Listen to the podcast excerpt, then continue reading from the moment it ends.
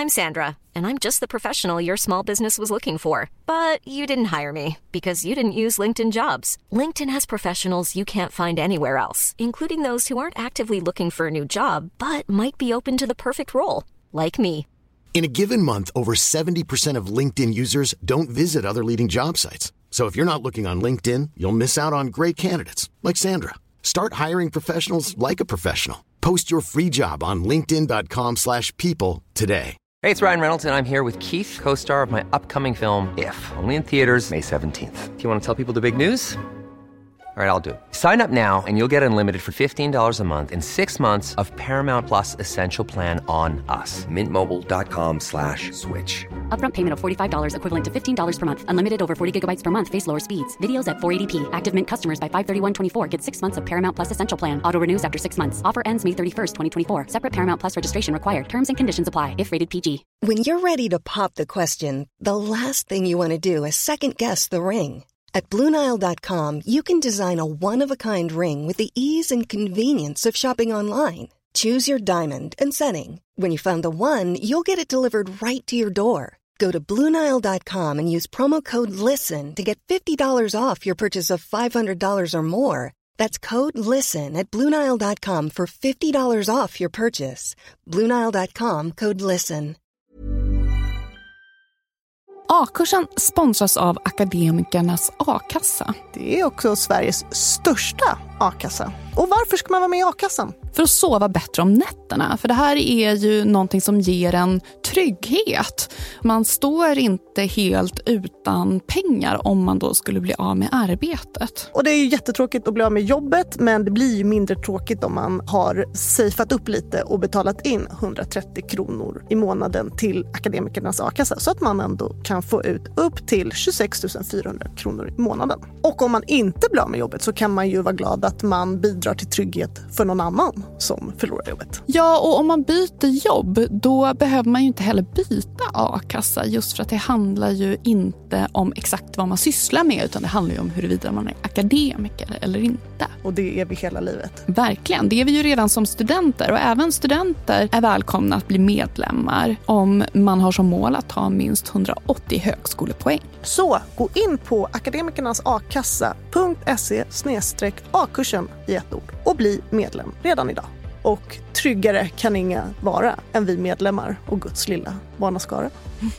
Ni två. Mm. Jag tror barnaskaran är större och medlemmarna med. Tusen tack Akademikernas a-kassa för att ni sponsrar A-kursen. A-kursen sponsras av TCO, Tjänstemännens centralorganisation. Föräldraförsäkringen fyller 50 år i år. Hipp hipp hurra! Hurra för dem! Eller hurra för oss! Ja, gud ja. Vi är ett rätt stort gäng som har kunnat njuta av denna föräldraförsäkring som när den kom till kallades för ett vansinnigt förslag av motståndarna. Men den revolutionerade synen på jämställt föräldraskap och utvecklingen mot en mer jämställd fördelning av föräldrapenninguttaget har gått framåt. Men sen 2018 har det stått nästan helt still på den fronten, vilket är ju supertrist. För det här ojämna uttaget skapar långvariga och bestående inkomstskillnader mellan kvinnor och män. Och i snitt går kvinnor miste om 50 000 kronor per år. Och det här innebär ju att pappa pappor missar en massa värdefull tid med sina barn. Så det blir ju en lose-lose situation. Hur hade ni det? Var ni bra på att dela? Vi var väldigt bra på att dela skulle jag säga. Jag tog första delen, men sen hade vi faktiskt också ett upplägg som var jättehärligt där vi båda liksom jobbade halvtid och var föräldralediga på halvtid sista liksom perioden innan i alla fall vårt andra barn började på förskola. Så dela mera, säger vi. Eller hur? Absolut. Och för att att fira denna fantastiska 50-årsdag som föräldraförsäkringen firar så har TCO gjort en dokumentärfilm ledd av skådespelaren Emma Molin som i lite härlig historieätaranda berättar om vad som egentligen hänt sedan 1974. Så in och kika på den på TCOs sajt. Tack TCO för att ni sponsrar A-kursen. Det här är överkursen i svenska modellen, det vill säga hela Emmas intervju med Petra Hertzfeldt Olsson som är professor i arbetsrätt på juridiska fakulteten vid Stockholms universitet. Petra reder ut allt man kan tänkas vilja veta om kollektivavtal, stridsåtgärder och fackförbund. Men först, hur länge har arbetare egentligen strejkat? De har strejkat nästan sedan tidernas begynnelse, tänkte jag säga. Eller sedan slutet av 1800-talet i varje fall.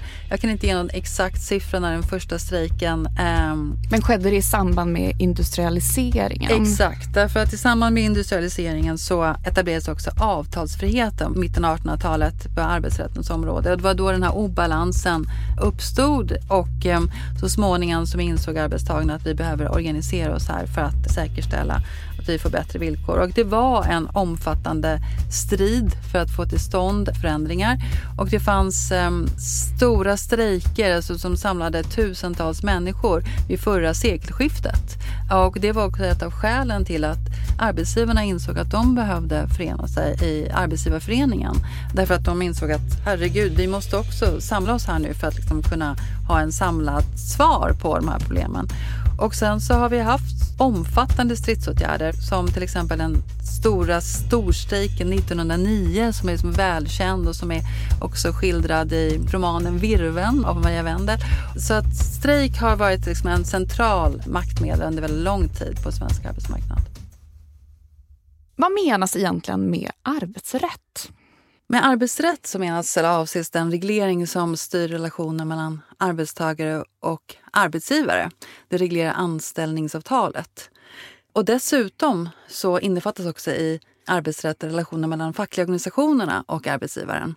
Man brukar dela upp det då i en individuell och en kollektiv dimension av arbetsrätten. Och vilka lagar är det som reglerar arbetsrätten i Sverige? Ja, numera finns det ganska många lagar och de som kanske är mest kända är lagen om anställningsskydd, LAS, och MBL, medbestämmandelagen. Men sen så finns det också arbetstidslag, semesterlag till exempel. Och det finns också arbetsmiljölagen som är väldigt viktig. Diskrimineringslagen som också är väldigt viktig som styr relationerna i arbetslivet. Men sen så finns det också ett antal lagar som styr lite mer specifika situationer. Som utstationerad arbetskraft finns en särskild lag för och för bemanningsanställda finns en särskild lag till exempel. Så det finns en hel stor arsenal av lagar som styr. Och de har tillkommit då i och med att man har liksom identifierat nya typer av behov på arbetsmarknaden? Ja, det kan man kortfattat säga att det är. Och så ursprung, vi kommer tillbaka till det lite när vi ska prata om den svenska modellen. Men det finns färre lagar helt enkelt eh, ursprungligen. Eftersom utgångspunkten för den svenska modellen är att det är parterna som ska styra genom kollektivavtal. Men successivt har det tillkommit ny lagstiftning och framförallt så tillkom det en hel del lagstiftning på 70-talet. Det var då som lagen om anställningsskydd och MBL tillkom till exempel, och även diskrimineringslagstiftningen. Och anledningen var att man inte tyckte att man fick till stånd ett tillräckligt bra reglering helt enkelt genom kollektivavtalen. Utgångspunkten var att man behövde komplettera. Och vad menas då med den svenska modellen? Mm. Den svenska modellen, när vi pratar om den så är utgångspunkten att arbetsmarknaden i Sverige till största del regleras genom kollektivavtal. Och eh, det som är unikt är att staten har väldigt lite att göra med det innehåll som kollektivavtalen har. Parterna på arbetsmarknaden är oerhört autonoma, eller helt och hållet autonoma. De har väldigt stor frihet att själva bestämma innehållet i de här kollektivavtalen. Och den reglering som vi pratade om alldeles nyss, den är också helt inriktad på att främja kollektivavtalsreglering. Så till exempel lagen om anställningsskydd och även medbestämmandelagen, bestämmelserna där är vad man kallar för semidispositiva. Vilket innebär att parterna har möjlighet att avvika även från minimiskyddsregleringen som finns till förmån för andra regler i kollektivavtalet. De kan helt enkelt göra en annan värdering av vad just de här två parterna behöver och vad deras medlemmar har störst nytta av. Och det är väldigt viktigt. Sen så har vi också en omfattande rätt att vidta stridsåtgärder när det saknas kollektivavtal. Och det är också en viktig del här, att eh, parterna, då framförallt arbetstagarparterna, har en omfattande möjlighet att utöva påtryckning i de fall där det saknas kollektivavtal för att få till stånd ett kollektivavtal. Också ytterligare en viktig del i det här paketet är att vi inte har någon som helst lag om lön. Vilket innebär att lönefrågorna måste då regleras antingen i det enskilda anställningsavtalet eller i kollektivavtalet. Och eftersom lön är en så central fråga för arbetsrätten så utgör just frånvaron av lag ett stort incitament att träffa kollektivavtal också. Är det här systemet unikt, skulle du säga? Man kan säga att arbetsrätten är i princip i alla länder är uppdelade på så sätt som den svenska arbetsrätten är uppdelad med en individuell och en kollektiv dimension. Men det som är utmärkande för det svenska systemet det är att parterna har en så stor autonomi och att kollektivavtalen de bär sig själva på så sätt att staten behöver inte gripa in för att till exempel utsträcka kollektivavtal eller allmängiltigförklara kollektivavtal så att de gäller en hel bransch. Utan kollektivavtalsutteckningen är redan idag i Sverige så omfattande, så bred. 90 procent av den svenska arbetsmarknaden omfattas av kollektivavtal. Så att eh, det är också någonting unikt. Att staten så att säga håller sig borta från också kollektivavtalen och inte påverkar dess tillämpningsområde. Och en annan unik sak som också är avgörande för den här modellen är att vi har så hög organisationsgrad. Alltså en stor andel av arbetskraften är organiserad i fackliga organisationer. 70 procent, 68 kanske nu. Det har sjunkit en hel del under senare år men fortfarande ser det, det man anser att det är den högsta i världen i varje fall bland de demokratiska staterna. Vad finns det för fördelar med det här systemet? Ja, en stor fördel är ju att eh, Utgångspunkten, jag måste börja lite, ta lite en historik. Utgångspunkten för arbetsrätten är ju att anställningsförhållandet bygger på ett avtal. Och väldigt tidigt så stod det klart att parterna i det här avtalet inte är jämlika.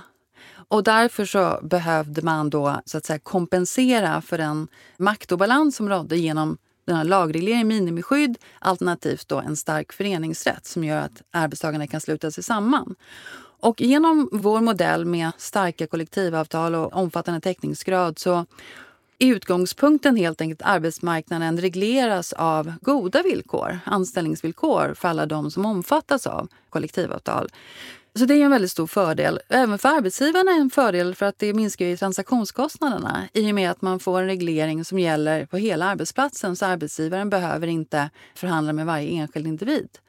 En annan fördel är ju att Genom kollektivavtalsregleringen så kan de som känner branschen eller arbetsplatsen bäst avgöra hur regleringen just av den här branschen eller av den här arbetsplatsen ska gå till och vilka villkor som ska gälla där. Så Det finns en väldig flexibilitet inbyggd i systemet som också är en stor fördel. Finns det några nackdelar med systemet? Ja, en nackdel med systemet är att de som hamnar utanför, vi pratade ju om att 90 procent av arbetskraften omfattas av det här systemet, men 10 procent hamnar utanför.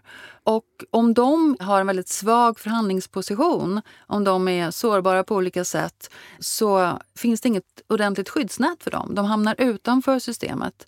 Och en annan del i det här systemet som också hör ihop med den svenska modellen, det är att vi har ingen offentlig tillsynsmyndighet för att liksom, säkerställa att de här villkoren tillämpas på arbetsplatsen. Det är parterna som bär det här ansvaret. Förutom när det gäller arbetsmiljö, när vi har Arbetsmiljöverket. Och Det gör att de här parterna som är utanför systemet, eller arbetstagarna, de har ingen aktör som de kan vända sig till om de inte är medlemmar i en facklig organisation som kan säkerställa att de villkor som de kanske har kommit överens om med arbetsgivaren faktiskt tillämpas. Och även i själva förhandlingspositionen om villkoren för arbetet så kan de, om de inte är, har en stark förhandlingsposition i sig själva med väldigt omfattande eftertraktad kompetens och så, svårigheter att få till stånd riktigt bra anställningsvillkor. Och är det ganska ovanligt att de har en bra förhandlingsposition, de 10 procenten som vi nu pratar om? Det är en bra fråga. I den del som den här gruppen tillhör till exempel den lågkvalificerade servicesektorn så är det nog tyvärr så i många fall. Det man ska säga är också att kollektivavtalen spelar även en roll för innehållet även i de här anställningsvillkoren om till exempel man inte har uttryckligen kommit överens om vad som ska gälla och frågan kommer att prövas av Arbetsdomstolen så brukar Arbetsdomstolen hämta inspiration från kollektivavtalen som gäller för branschen. Men om man har kommit överens om innehållet i ett anställningsavtal så har ju de en svag förhandlingsposition. Sen så finns det ju andra branscher som också har en ganska låg täckningsgrad nu, som it-branschen.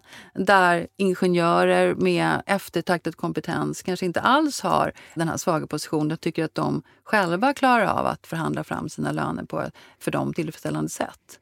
Så att det är en lite splittrad bild skulle man kunna säga. Du nämnde ju också att eh, andelen människor som är medlemmar i facket har minskat. Påverkar det den svenska modellen? Utgångspunkten är att kollektivavtalet, när en arbetsgivare är medlem i en arbetsgivarorganisation eller har tecknat ett enskilt kollektivavtal så är arbetsgivaren skyldig att tillämpa kollektivavtalet på alla arbetstagare på arbetsplatsen oavsett om de är organiserade eller inte. Därför så har arbetsgivarens organisationsgrad kanske en större betydelse för kollektivavtalets betydelse och tillämpningsområde än organisationsgraden. Och det här är inte självklart, men det beror på hur kollektivavtalets tillämpningsområde ser ut och hur det regleras. Men utgångspunkten är ju att ehm, systemet har ju bara legitimitet så länge som de arbetstagare som finns på arbetsmarknaden också är organiserade i de fackliga organisationerna. Och idag är det framförallt inom ett antal LO-förbund som organisationsgraden har gått ner väldigt mycket i vissa branscher. Och eh, på sikt så kan det här absolut utgöra ett problem för att det innebär också att eh, även om det finns ett kollektivavtal på den här arbetsplatsen och arbetstagaren inte är medlem i en facklig organisation så är ju då utgångspunkten att om det uppstår ett problem den fackliga organisationens stadgar utgår från att de ska tillvarata sina medlemmars intressen. Så det är inte givet att de kommer att hjälpa den här personen. Så att de kan också bli sårbara i det här systemet. Så att eh, på sikt så är det ett problem. Och för de branscher som idag har väldigt låg organisationsgrad så tror jag att man funderar en hel del över hur man ska göra för att öka organisationsgraden igen. Vilken betydelse skulle du säga att fackföreningar generellt har för den svenska arbetsmarknaden? De har ju en jätteviktig roll eftersom de har ansvar för att tillvarata en stor del av arbetskraftens intressen på den svenska arbetsmarknaden och säkerställa drägliga villkor tillsammans med arbetsgivarna. Och också att de har det här tillsynsansvaret är ju också väldigt viktigt. Så de har en väldigt stor och viktig roll på den svenska arbetsmarknaden. Och hur sätts lönerna i Sverige? Ja, vi var inne på det lite tidigare. att eh, en utmärkande sak i det svenska systemet är att vi inte har någon lag om lön. Så vi har inga minimilöner? Vi har inga minimilöner. Utan utgångspunkten då att det här är en fråga som ska lösas genom avtal. Och eh, avtalet om lön görs inom ramen för ett kollektivavtal. Och om det inte finns någon sån, om personen inte är medlem i den fackliga organisationen eller inte omfattas av kollektivavtalet, då är det istället det enskilda anställningsavtalet som avgör vilken lön man kommer fram till. Men det som är viktigt att komma ihåg är att innehållet också i kollektivavtalen ändrat karaktär i väldigt stor utsträckning. Fortfarande är det som så att när man tänker sig att vi pratar om att det är kollektivavtalen som reglerar lön, då tänker vi oss ofta att det finns en specifik siffra som anger vilken lön en person ska ha som börjar på en ny arbetsplats till exempel.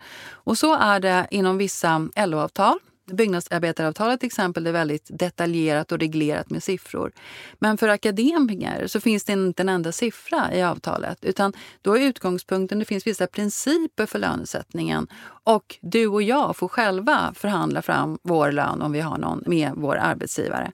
Och när det sen kommer till löneökningar så finns det också en väldigt spännvidd i hur olika branscher väljer att reglera de årliga löneökningarna. Vissa har återigen väldigt specifika siffror och vissa specifika summor som ska utbetalas, procentandel och så vidare. Medan andra är mycket mer flexibla. Och Medlingsinstitutet har identifierat att det finns ungefär sju olika modeller för det här som är mellan de här två extremerna, helt sifferlösa och väldigt detaljstyrda löneregleringar. För just det här om löneökningarna har ju varit väldigt aktuellt, inte minst med tanke på den höga inflationen. Och då har jag fått lära mig begrepp som märket till exempel. Men kan du förklara det? Under 90-talet så var det en stor ekonomisk kris som Sverige befann sig i och då omvärderades ett antal olika förutsättningar för den svenska ekonomin. Och i samband med det så tog man också ett omtag när det gällde förutsättningarna för lönebildningen. Och eh, parterna tog ansvar för situationen. Det fanns hot om lagstiftning, att lagstiftaren skulle gå in och styra på olika sätt. Men när parterna visade liksom att de var handlingskraftiga så de träffade industriavtalet. Och det var parterna inom industrin som träffade det här industriavtalet. Och i industriavtalet så finns det då regler om hur utgångspunkter som de ska ta hänsyn till när de förhandlar om ny lön. En viktig dimension är att den exportberoende industrin ska vara konkurrenskraftig i förhållande till andra länder som har motsvarande industri som de då framförallt konkurrerar med. Och I övrigt så tillkom då Medlingsinstitutet. Medlingsinstitutet är en myndighet som har ansvar för att främja en god lönebildning, en sund lönebildning. Och även i de löneförhandlingar som de på ett annat sätt så att säga, påverkar och försöker ge underlag till parterna för att komma till rätta med så är då utgångspunkten att det är just parterna i industrin som först ska avgöra vilka löneökningar som det finns utrymme för för att bevara den här konkurrenskraften och det man kallar för märket. Och sen får de andra parterna, andra branscherna anpassa sig till det här märket för att säkerställa att hela den svenska arbetsmarknaden ska fortsätta vara konkurrenskraftig. Och jag har förstått att det här också är en framgångsrik modell för att stävja inflationen.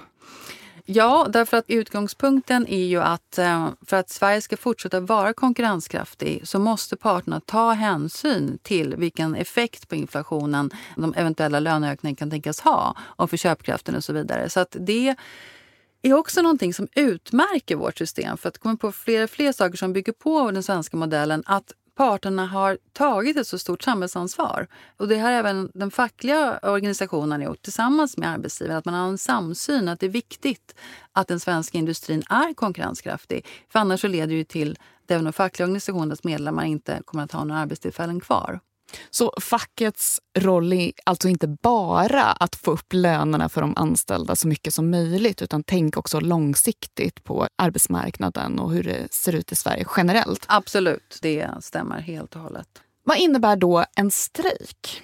En strejk innebär att eh, arbetstagarna inte utför det arbete som de har åtagit sig att utföra enligt anställningsavtalet.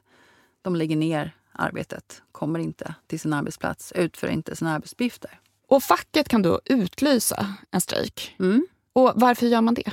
Om det är ett kollektivavtal som gäller på arbetsplatsen, då råder fredsplikt. Vilket innebär att då får helt enkelt inte parterna vidta några stridsåtgärder. Men när det saknas kollektivavtal, då inleder ofta den fackliga organisationen förhandlingar med motparten om att vi skulle vilja träffa kollektivavtal med er. Man kommer inte överens. Motparten kanske inte vill träffa kollektivavtal. Och då överväger den fackliga organisationen att man ska vidta stridsåtgärder som en påtryckningsåtgärd. Och det kan vara på arbetsplatser som aldrig haft kollektivavtal men det kan också vara under de årliga löneförhandlingarna att man inte kan komma överens om en tillräckligt hög löneökning trots det här ansvarstagandet. Man har olika bild helt enkelt av vilken lönehöjning som den svenska arbetsmarknaden klarar av. Och vilka övriga stridsåtgärder finns att tillgå förutom strejk? Det finns till exempel blockad och bojkott. Man kan ha en blockad som innebär att inga medlemmar får ta anställning på en viss arbetsplats eller att inga medlemmar får utföra tjänster åt en viss arbetsgivare eller arbetsplats till exempel, vilket är vanligt. Och det kan finnas också mer punktorienterade strejker, att vissa centrala funktioner på en arbetsplats tas ut i strejk. Övertidsblockad finns också, man vägrar utföra övertidsarbete. Så det finns en ganska stor arsenal av åtgärder som man kan ta till. Om fackförbundet utlyser strejk, är det då frivilligt att strejka? Utgångspunkten för just den här frågan styrs av den fackliga organisationens stadgar. Vad det innebär att vara medlem i en facklig organisation.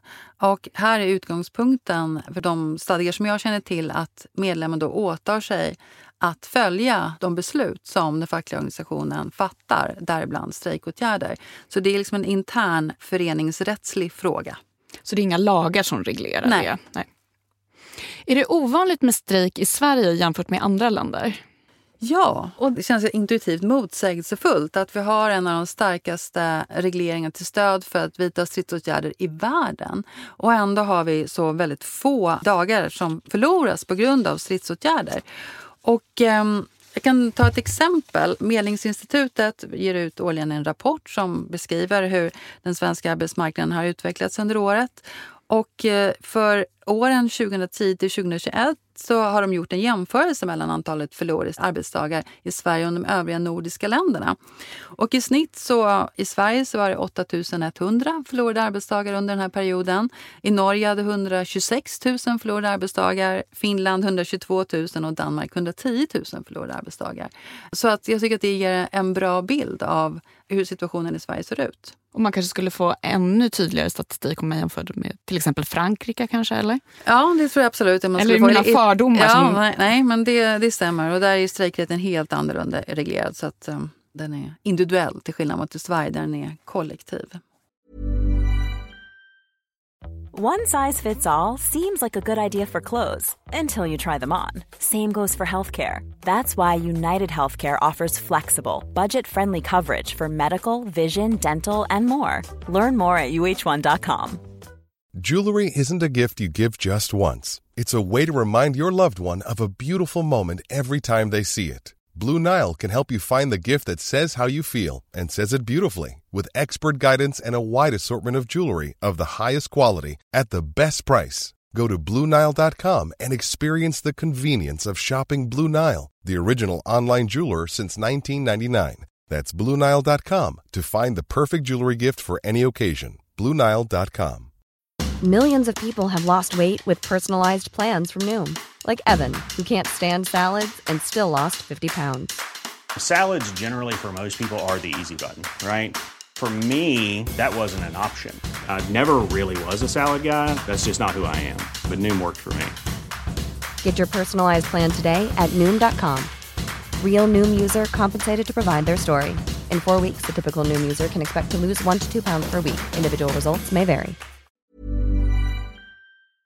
Varför tycker fackförbunden att det är så viktigt med kollektivavtal?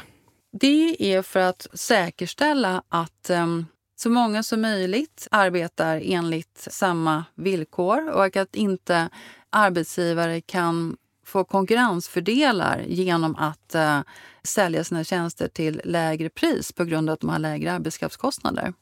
Så att utgångspunkten är att man helt enkelt får till stånd en arbetsmarknad med en sund konkurrens.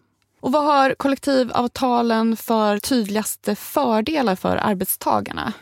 En tydlig fördel är ju att de då själva slipper förhandla om alla olika detaljer i det enskilda anställningsavtalet och att det är förutsägbara villkor för dem och också att i många fall som vi pratade om tidigare så har de större möjlighet att få till stånd bättre villkor eftersom de har det här kollektivet i ryggen som ser till att eh, hålla uppe anställningsvillkoren. Så det är ju flera viktiga aspekter. Finns det några nackdelar? Nackdelarna kan ju vara då för de som inte omfattas av det här systemet, de som hamnar utanför. Därför att de har visserligen den lagstiftning som vi pratade om till stöd som också utgör minimiskydd för dem, men det finns till exempel då ingen lag om lön.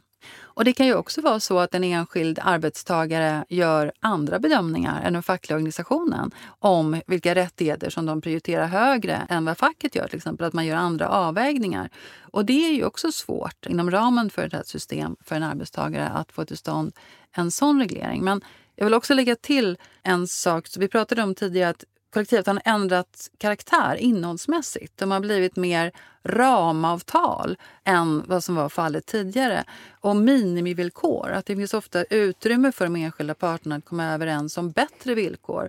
Så att det finns idag, skulle man kunna säga, mycket större flexibilitet i själva kollektivavtalen. Åtminstone i många av kollektivavtalen som fanns tidigare. Så även om vi då tittar på de här kanske mer resursstarka 10 procenten, de missgynnas inte av att ha ett kollektivavtal? Alltså det beror ju på hur de värderar innehållet, alltså de villkor som gäller i kollektivavtalet och om de skulle kunna ha andra intressen än de villkoren än hur liksom fackföreningen har gjort avvägningen mellan de här olika intressena. Men utgångspunkten är i väldigt många fall när man jämför de villkor som de företag som saknar kollektivavtal har med vad kollektivavtalet faktiskt tillhandahåller så är det väldigt sällan så att man ser att de enskilda anställda har bättre villkor. Men det kan ju förstås vara så. Men som sagt, oftast missgynnas de inte om det finns möjlighet att förhandla till sig mycket bättre villkor. Men en annan sak som jag också skulle vilja peka på det är det att i det här systemet, när vi främjar kollektivavtal i så stor utsträckning, så finns det också ett antal andra rättigheter som kopplas till kollektivavtalet. Och det är ju till exempel att um, arbetstagarorganisationerna får rätt att få information och förhandla med arbetsgivarna inför det att arbetsgivarna fattar viktiga beslut och så. Så att det finns många andra rättigheter som också är kopplade till kollektivavtalet som inte direkt rör anställningsvillkoren, utan som rör andra aspekter av anställningsavtalet som handlar om man får inblick i vad som sker på arbetsplatsen till exempel. Vad skulle du säga att kollektivavtalen har för för och nackdelar för arbetsgivaren? En fördel är just det här med fredsplikten är ju central. Också sänka transaktionskostnaderna. De slipper avtala med varje enskild arbetstagare. Och det här är ju också av vikt för dem, men också att man har en samsyn och ett organiserat system som gör att villkoren på arbetsplatsen blir konkurrenskraftig. Och nackdelarna? För vissa arbetsgivare kan det också vara så att man inte kan komma överens, till exempel att man har helt andra prioriteringar av vilka frågor man vill prioritera på arbetsplatsen och hur man vill organisera arbetskraften och också på vilket sätt man vill premiera till exempel goda och sämre prestationer. Och Det kan också så innebära att om det kommer liksom kraftiga förändringar som påverkar arbetsplatsen så kan det vara svårt att få till stånd kanske den flexibilitet som vissa arbetsgivare skulle önska. Man får liksom en minskad rörelsefrihet. Ja, det kan man absolut säga. Men varför är det så då att vissa arbetsgivare som Tesla drar sig för att träffa kollektivavtal? Jag tror att anledningen till att de arbetsgivare som just nu det har varit och är ett antal konflikter runt omkring. Jag tror att det kan finnas olika skäl till varför de inte är så intresserade av att träffa kollektivavtal.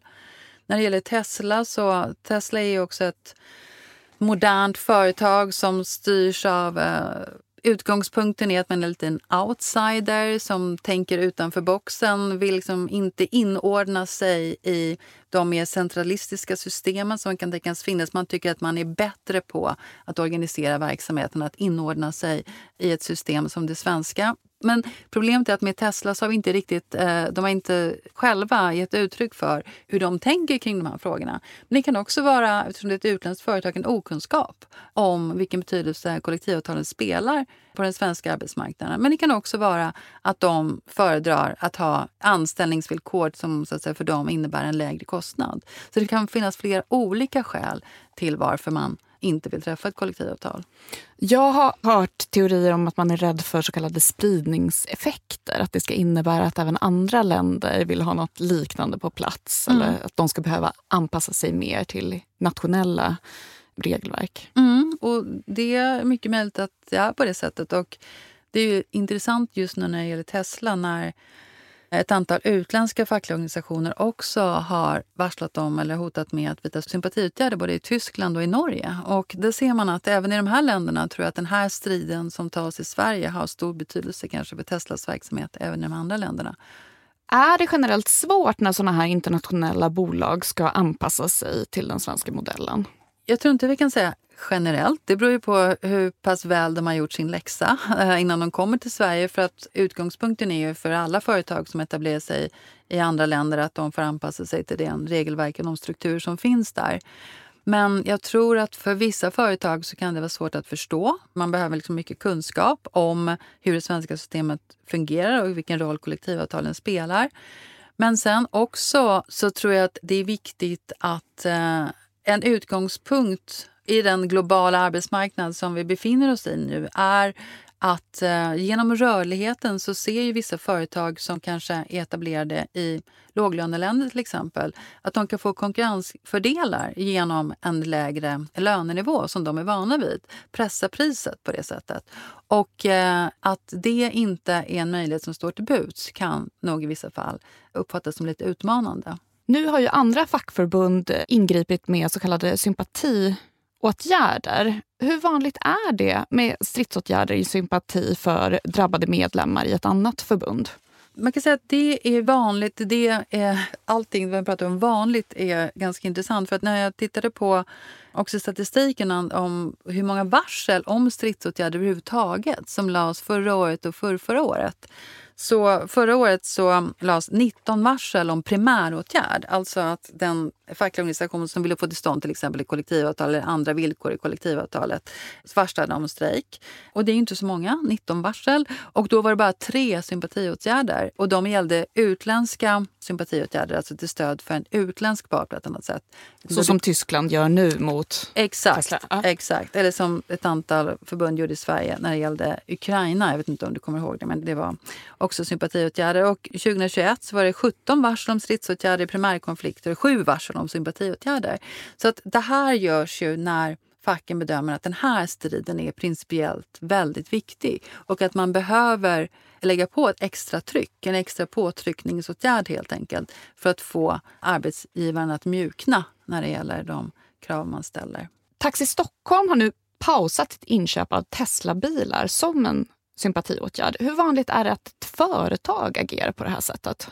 Det tror jag inte är så vanligt. utan Det brukar ju vara de fackliga organisationerna som vidtar sympatiåtgärder. Och eh, den här specifika åtgärden är ju spännande och den kan man fundera lite närmare på hur man ska kategorisera den och vad den står för. Skulle du säga att globaliseringen generellt innebär en utmaning för den svenska modellen?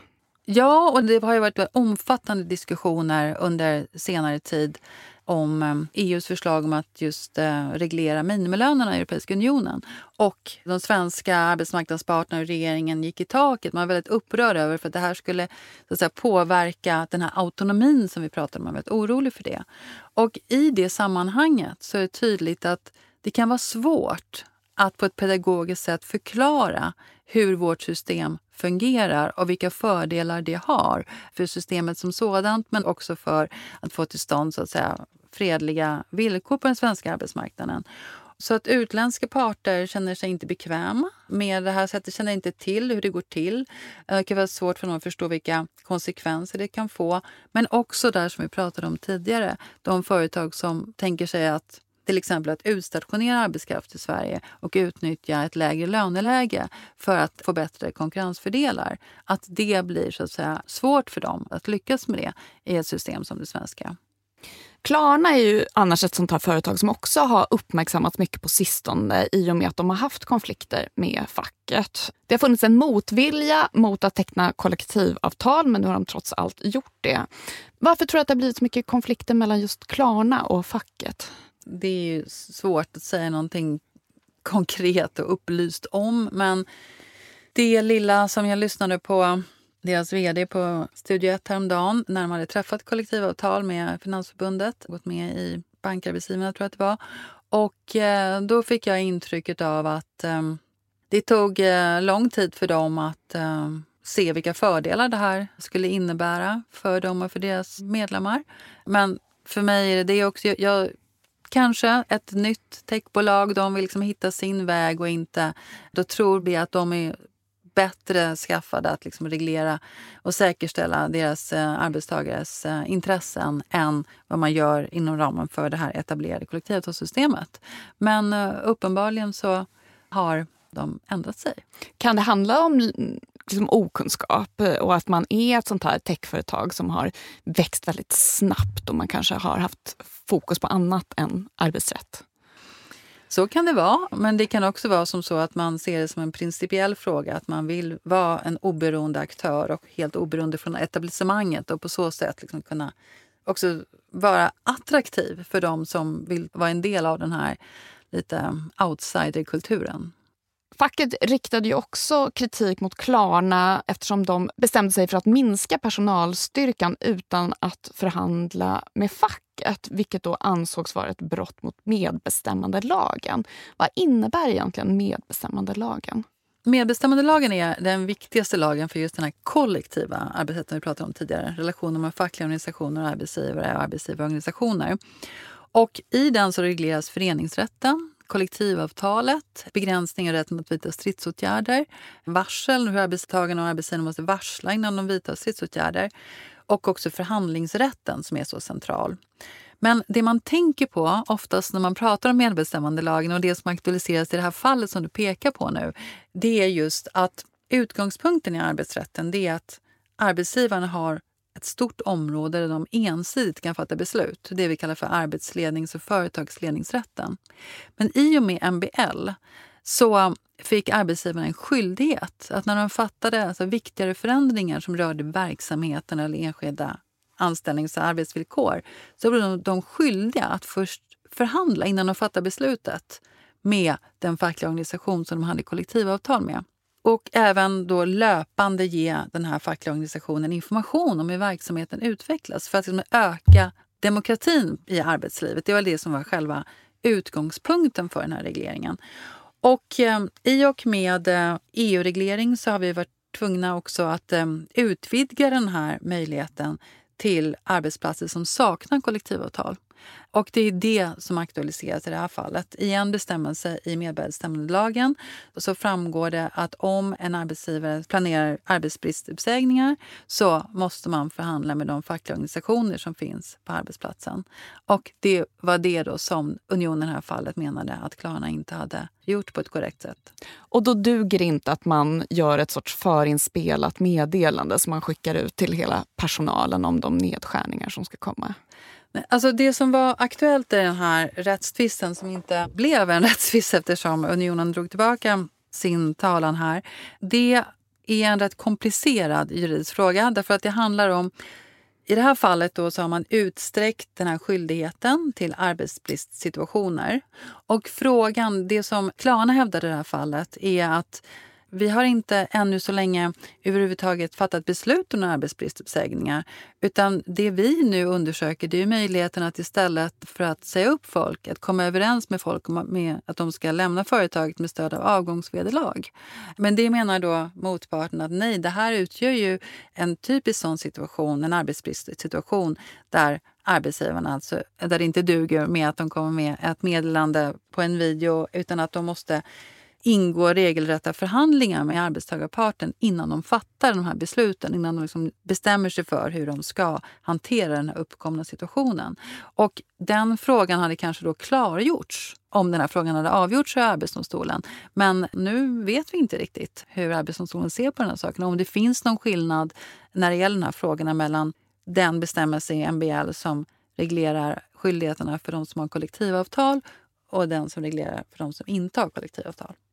Facken har ju också gått in och blockerat mindre verksamheter som till exempel en salladsbar i Göteborg 2006. Hur vanligt är det att man agerar på det sättet? Ja, alltså det är inte så himla vanligt. Eh, utan det här gör man ju då när små företag helt enkelt inte vill träffa kollektivavtal. Om det finns ett intresse på den här arbetsplatsen att träffa kollektivavtal eller om facket har ett intresse av att det ska träffas ett kollektivavtal. Och eh, anledningen är att man tycker att det är viktigt att både stora och små företag omfattas av kollektivavtalen. Och det hänger ihop med den här konkurrensfrågan som vi pratade om tidigare. Att undvika att mindre företag då använder sig av konkurrensfördelar för att de ska kunna få lägre lönekostnader till exempel. Men i det här fallet så fick det inte så bra gehör hos allmänheten, de här stridsåtgärderna. Och eh, det är fortfarande så att när vi pratar om de här 10 som inte omfattas av kollektivavtal i Sverige så är det en väldigt stor andel av små företag som utgör den här 10 procenten. Så det finns en väldigt stor andel småföretag idag som inte omfattas av kollektivavtal. Och eh, här så väljer ju också de fackliga organisationerna lite strategiskt hur de ska agera i de här situationerna. Om de anser att det är rimligt att ställa krav på kollektivavtal med stöd av stridsåtgärder eller inte. Och I många fall så behöver det aldrig gå så långt utan parterna kommer överens. Men det finns också ett undantag Alltså strejkrätten är ju väldigt starkt rättslig förankring i att den är skyddad i regeringsformen 2.14. Men den kan inskränkas då genom lag och avtal. Och I medbestämmandelagen så finns det begränsningar av rätten att vidta stridsåtgärder. Bland annat för ensamföretagare och familjeföretag. Så att det är där man har liksom bedömt att den här gruppen ska ändå så att säga här måste vi begränsa rätten att vidta stridsåtgärder. För här kan det finnas då rimliga skäl för de här aktörerna att agera på ett annat sätt än att styras av kollektivavtal. Hur skulle du säga att den så kallade gig-ekonomin påverkar svensk arbetsrätt? Den påverkar svensk arbetsrätt i stor utsträckning och eh, den största utmaningen är att väldigt stor andel av det arbete som utförs inom gig-ekonomin organiseras på ett sådant sätt så att de som utför arbete inte kategoriseras som arbetstagare utan som egenföretagare. Och Det innebär att allt det här vi pratar om just nu i princip inte är tillämpligt på de här personerna som utför arbetet. Så att det är en av de största utmaningarna. Och en annan utmaning är den osäkerhet som finns för många som arbetar inom den här sektorn. Att det inte finns någon förutsägbarhet. Och det här är också, det kan vara en fördel för dem som vill ha en flexibilitet men det kan vara en mindre fördel för dem som har behov av att få en viss inkomst och har bara möjlighet att arbeta under viss tid i månaden till exempel. Så när man hör till exempel att Fodora tecknar kollektivavtal så gäller det inte alla personer som man ser då leverera mat med sina fodora ryggsäckar Exakt, utan det var bara en viss grupp av fodora medarbetarna som kategoriserades som arbetstagare och av det skälet omfattades av det här kollektivavtalet. Sen så har det också varit så att i det här fallet så har inte Fodora blivit medlem i en arbetsgivarorganisation utan de har träffat ett så kallat hängavtal med den fackliga motparten. Och eh, vad man har fått intryck av så har liksom innehållet i det här specifika kollektivavtalet varit lite mer begränsat än vad som i övrigt gäller för motsvarande bransch som omfattas av förbundsavtalet som gäller för andra liknande företag. Så man kan inte utgå från att bara för att företag liksom har kollektivavtal för de anställda att allting är schysst? Nej, det kan man inte. Eller, det beror lite på. Det här fallet är i och för sig relativt unikt. Att man får till stånd så väldigt speciella eller som villkor som skiljer sig i så utsträckning från det traditionella avtalet eller för det förbundsavtal som gäller för den här branschen. Men det är också liksom en fråga man måste ställa sig. Är det bättre att få till stånd ett avtal med mer begränsade villkor där man försöker anpassa sig till parternas olika behov eller att inte ha något kollektivavtal alls? Så det här är en avvägning. Finns det några andra utmaningar som du ser när det gäller arbetsrätt i framtiden?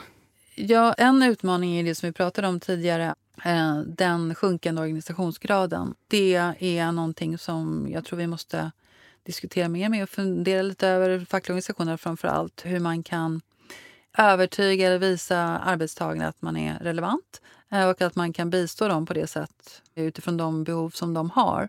Och framförallt då inom den lågkvalificerade tjänstesektorn så är det oerhört viktigt så att vi inte får en polariserad arbetsmarknad. En annan stor utmaning är AI. Hur ska vi så att säga, inordna hela den extremt expansiva AI-utvecklingen i arbetsrätten. Så att det är också en stor utmanande fråga som många funderar över just nu. Bland annat en doktorand hos oss vid Stockholms universitet. Men kan det finnas poäng att ändå liksom införa fler lagar som till exempel minimilöner för de som inte omfattas av kollektivavtal? Eller blir det på något sätt ett sätt att underminera den svenska modellen? Det där är ju liksom, det är frågan kan man säga, som många står inför just nu. Och, eh, jag har själv forskat en hel del om arbetskraftsmigration och också de grupper som exploateras på arbetsmarknaden. Och här så ställer vi just den frågan, vilket är det bästa sättet för att säkerställa att de här som hamnar utanför systemet också får drägliga anställningsvillkor.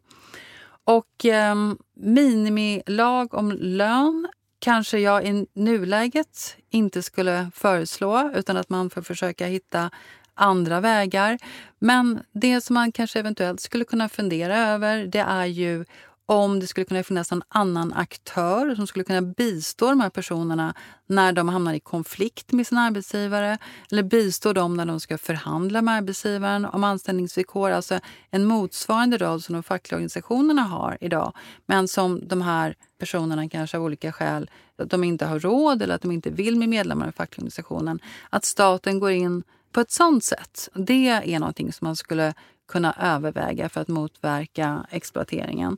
Och här tror jag också att de fackliga organisationerna själva måste fundera över hur de ska agera, i vilken mån de också ska räcka ut en hand till de som inte är medlemmar i deras organisationer som står lite utanför. Att liksom finna vägar. Det är liksom en, en annan väg för att komma till bukt med den här problematiken. Men som jag sa, förutom lön så har vi ju liksom en skyddslagstiftning på svensk arbetsmarknad. Men om vi skulle införa en särskild lag om lön, då omkullkastas systemet. Och då måste man fundera igenom väldigt noggrant vilka konsekvenser det kan få. I och för sig så vill jag säga att eh, i Tyskland så införde man en minimilön för några år sedan och det var också väldigt kontroversiellt. Och det har visat sig att det har inte fått så negativa konsekvenser för parternas vilja att träffa kollektivavtal som man till exempel trodde eller har inte påverkat nivåerna i kollektivavtal. För det är också någonting som parterna är oroliga över. att Arbetstagarna är oroliga för att det kommer dra ner löneläget och arbetsgivarna är som oroliga för att det kanske får andra effekter, att det kan minska då flexibiliteten till exempel. Så att, eh, det är inte en helt enkel fråga att svara på. Och jag har ingen klar uppfattning i den här frågan just nu. Skulle man behöva en tillsynsmyndighet? Ja, det är det som vi funderar lite över och hur man skulle kunna organisera det på något bra sätt. Och där tror jag att det finns, om det är en myndighet eller om det är fristående civilsamhället som får något sånt ansvar, kanske ekonomiskt stöd för att bistå de här individerna på ett eller annat sätt. Det skulle kunna vara tänkbart. Vi har liksom diskrimineringsbyråerna, någonting motsvarande kanske för den här gruppen. Där tror jag att det finns ett utrymme att hitta vägar framåt. För det tror jag också är nödvändigt om inte facken själva är beredda att även gå in och hjälpa de här individerna i större utsträckning. Tack Peter Hertzfeldt Olsson för att du ville gästa vår podd och tack för att just du har lyssnat. Nästa vecka kommer jag, Clara Wallin och Emma Frans fördjupa oss i psykisk ohälsa. Går det att alltid vara psykiskt hälsosam och är den psykiska ohälsan verkligen ett så stort samhällsproblem som det ofta ges sken av i media? Prenumerera på A-kursen i din poddapp så får du en notifikation när avsnittet kommer ut. Och det här avsnittet har spelats in på Beppo.